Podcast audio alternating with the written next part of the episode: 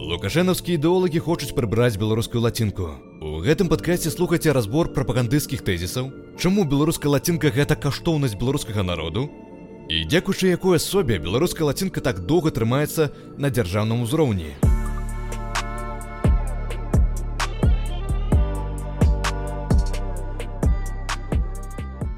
Вітаю! З вами на мікрафоне Услаў Пашкевіч.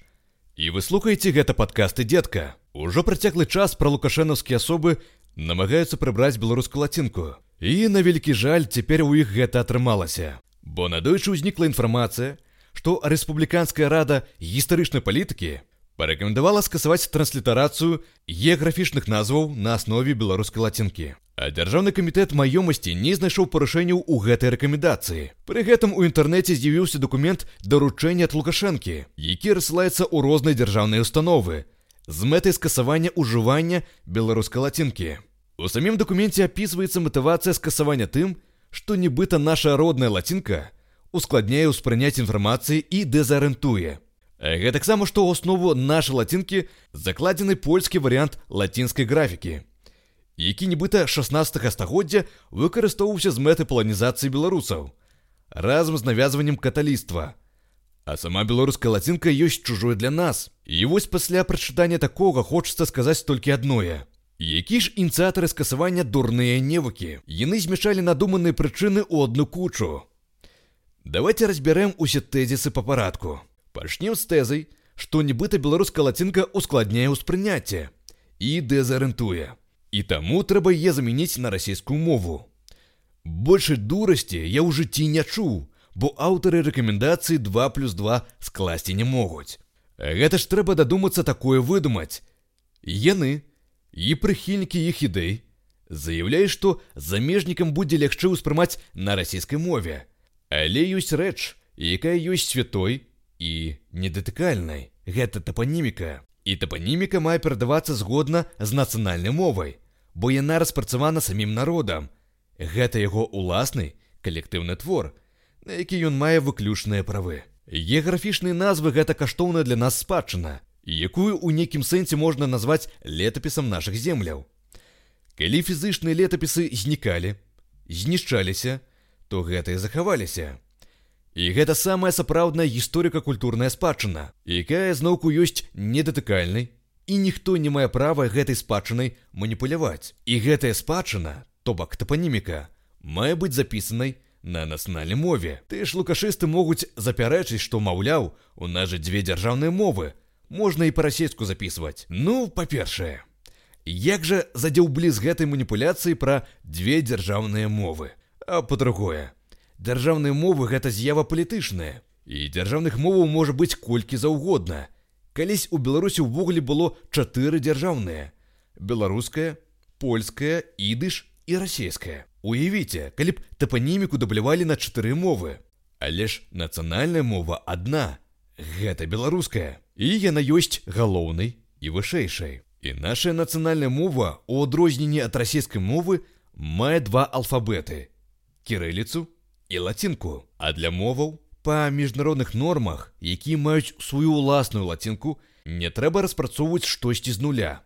Напрыклад, расійская мова праз тое, што не мае ўласную лацінку, то ў ёй суіснуюць розныя ведамасныя сістэмы перадачы лацінскімі літарамі. Імёнаў і назваў для пашпартоў, пошты, а для авіяцыі дык увогуле існуе некалькі гостаў з падварыянтамі. У нас жа такой блытаніны няма. І слова пра тое, што нібыта наша лацінка збівае з панталыку замежнікаў, і гэта нагода ад яе адмовіцца, ёсць хібныя, бо прыгадайма, Калі мы падарожнічаем па свету, то паўсюль тапаніміка адлюстрована згодна з нацыянальнай мовай.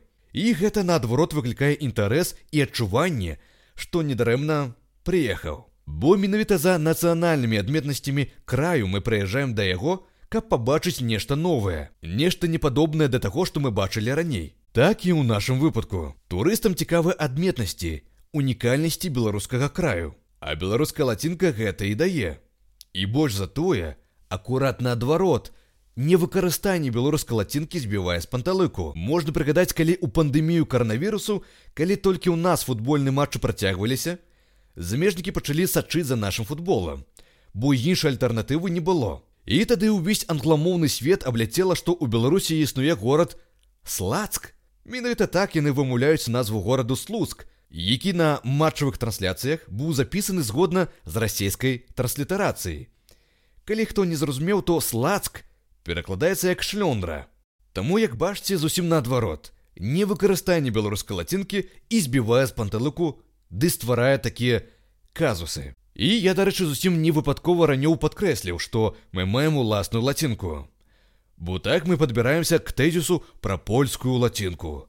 Такое выказванне зусім паказвае, наколькі тыя людзі, што дазваляюць сабе такое казаць, не ведаюць ані што такое беларуская лацінка, ані што такое ўвогуле польская мова. Як бы палякі здзівіліся, калі б даведаліся, што аказваецца, беларуская лацінка гэта польская, бо яна іншая. Калі ж у польскай мове зычныя гукі могуць перадавацца двума літарамі, то ў нас адной – бо ў нас выкарыстоўваюцца надрадковыя гачыкі.